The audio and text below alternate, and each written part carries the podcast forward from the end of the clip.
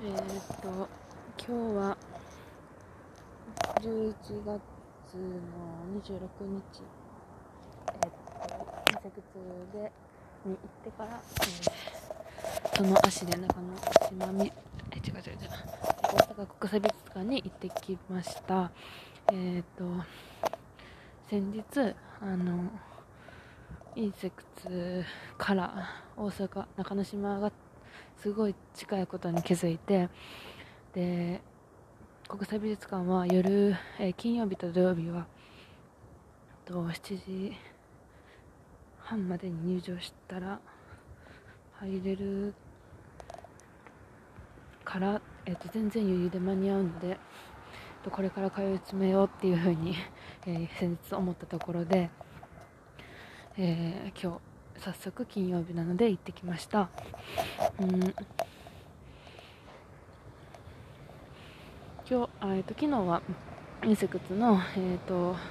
まあ、そう、えー、中さんの、えーと、送迎会みたいなものに呼んでもらって、えーと、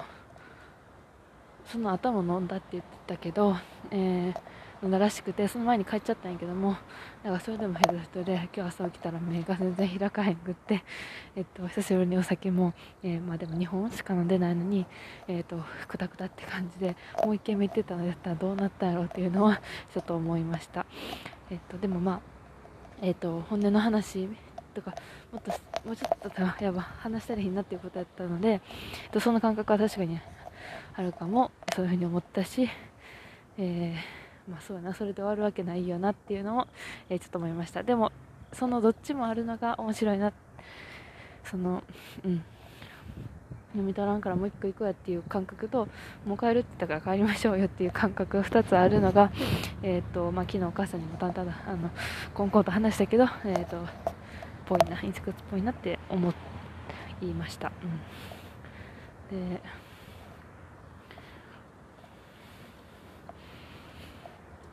えーと、今日は松村さんがいなくって、えー、その代わりにだからフィールドワークをずっとしていて、えー、まあ、誰かの仕事の手伝いとかいうこともなかったので、えーと、結構ずっと外に出てて、えー、写真を撮りだめて、えいたんやけど。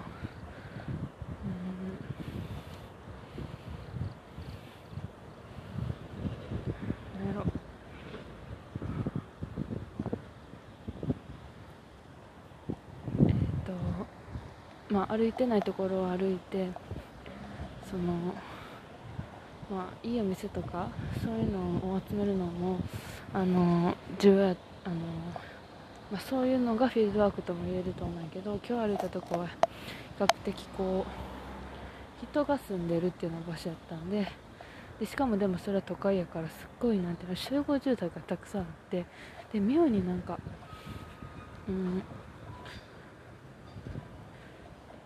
寂しいようなところもあったりしてなんかそれがずっとリアリズムの枝継ぎ春日記のなんかそういう雰囲気がなんかずっと、うん、なんか思うようなそういう感じでした。で今えー、っと国際美術館から JR 福島駅の方に歩いているんやけども、えー、まあ、今日はあの関西学院大学のメンバーズシップなので600円で入れたしここから福島駅に行くと定期代もかからんということで、えー、すごくあの満足文化的にこんな安く、えーと、文化的な、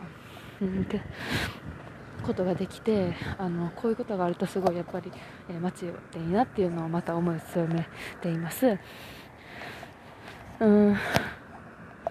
眼鏡を外すと一気に夜景が ぼやけてしまい、えー、すごく周りが綺麗ででその中之島美術館みたいなのが建ってて今年の7月かなんかにオープンしたのかどうなのかけど、えーと、そこもまた絶対に行ってみよう、えー、でどんなもんなのか情報を集めよう橋本さんに、えー、聞いてみようかなって今思っているところです。あで司さんから LINE も来て紹介していいですかってことでえっと、まあ、な気持ち悪いけど万が一のために、えー、ここまで思ってるのは気持ち悪いけど、えー、どういう経歴が始めたかどこが好きかぐらいはちゃ話せるように準備しておこうと思ってそれを口口で口ずさむというか、えー、口で転がしながら、えーね、国際美術館の方に今日は歩いていきました。あそうそう昨日はしかもゆいちゃんとも一緒に帰れてそれがすごく嬉しかったです。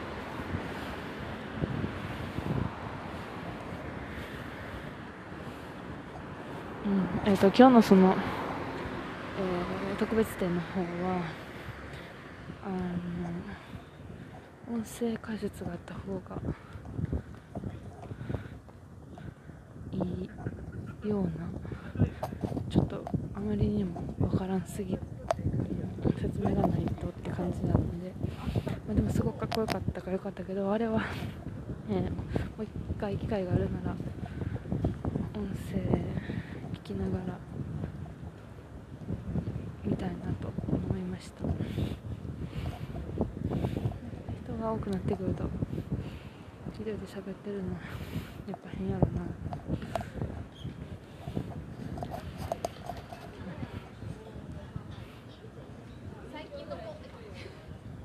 まあそんな感じで。あとなんかほんまに言ったらアルバイトでもずっと続けられたんかなとかいうのを思ってしまってちょっと最近。辛いというか考えてしまう。考え込んでしまう。でも納得して、うん、この進路に行ったしこのこれ以外のやり方っていうのはその時にやっぱり考えられへんかったのであどういうことまで考えたかっていうと多分今日あの、え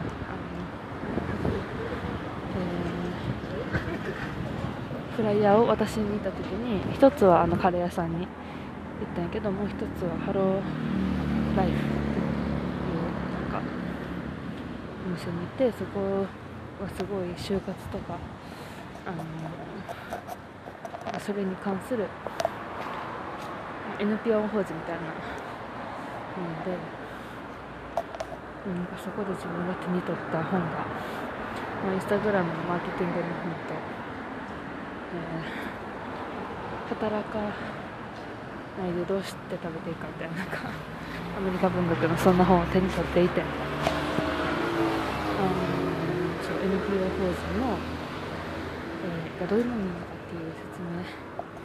をホームページで見たりとか、まあ、そういう場所に行ったりとかそういう本をちょっと目にしたりとか、うん、結構そういうのがえっ、となんか自分の中にあったちょっとしたそういうどうなのかなって思ってるのを刺激しちゃったのかなっていうのは思います。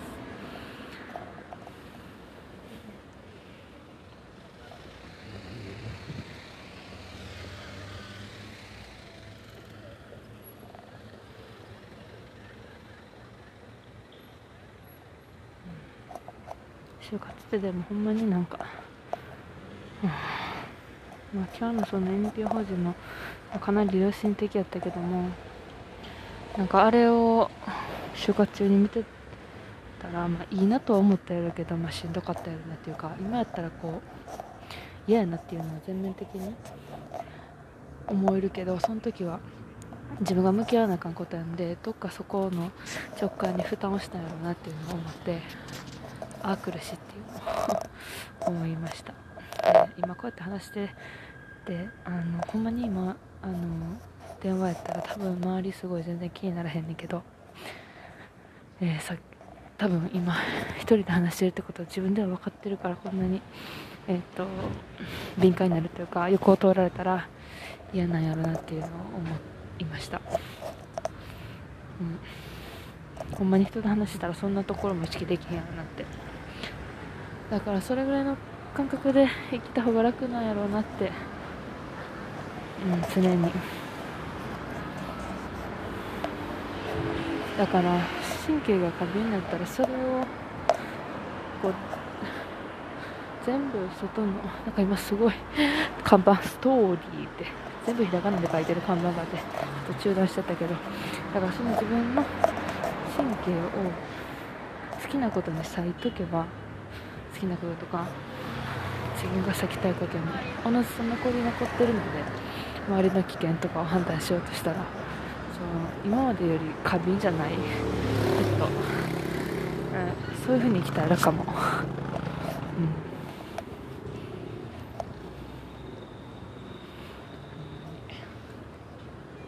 ゆうちゃんと2人で話してる時全然気にならへんかったもん。周りの視線。電話でしてる時。大丈夫やな。今日はスパークリー。なんとかスパークリー。やったかな。あそこにあのスパイスカレーを食べに行ったんやけどすごいビルの奥まったところにあってでも中おしゃれで。ご飯カレーすごい美味しくて全部食べたことないやつ。味なんか煮玉。煮卵は酸っぱいし、まあ、全体的に辛いっていうよりも酸味がある、あの、味付けでそれでも酸っぱいなと思ったけど酸っぱいもの好きとしてですごいなんか元気出るやろなって思ってで、まあ、食べたことない味私それすごい美味しかった。全部がこの料理は何なんやって今まで出会ったことないどの調味料入れたからいいかも想像つかない味っていうのはやっぱそれだけですごい楽しいなっていうあの思うな。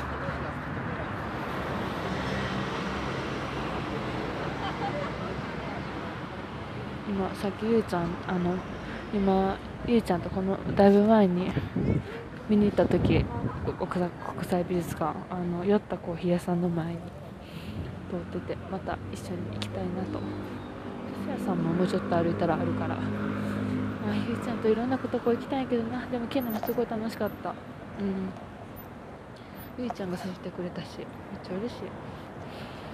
うん。もっと出かけたい2人で。でも今はちょっと余裕がない。あそう昨日はあの高橋先生に高うん橋本先生。橋本先生に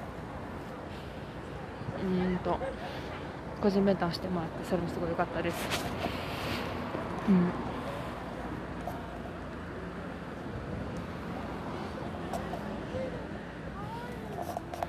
かすごい賑やか今日の中之島まあそうそう昨日に変わってから自分がこう今までの振る舞い今までいた団体であの目立たないというか馴染むためにやってたことが、この優しいコミュニティやったらそれがすごい異質に思えてで自分のものじゃないからそれってもともと無理して持ってるからそれがすごい浮き上がってきて自分がすごく意地悪ででもそれは自分が作ったんじゃないっていう のを思ってなんか悲しくなりました。すごい悲しい今日も朝。起きた時それを思った気がする。なんかさ、うん、悲しいすごく。もう考えたくないけど。はい。そうだからその飲み会にな。うん。やっぱ全部足りひんぐらいがとか寂しいぐらいがぴったりいいいいんじゃないかな。なんかご飯でもそうやし、うん、食べ過ぎたら気も悪くなるし。足りんって思った時にちょっとあってそれが8分目っていうのが一番美味しいんじゃないかな。うんまあ、その飲んでる卒論のパンチバーグはすごいあの現代アート的 やなっていうのを今日思いました。うん橋本先生との話も絡めてなんかますますそういうのあでも商業主義に対抗するっていうのは多分そういうことよね、うん、そこの猫が多分一緒やから無駄に思うんかな、うん。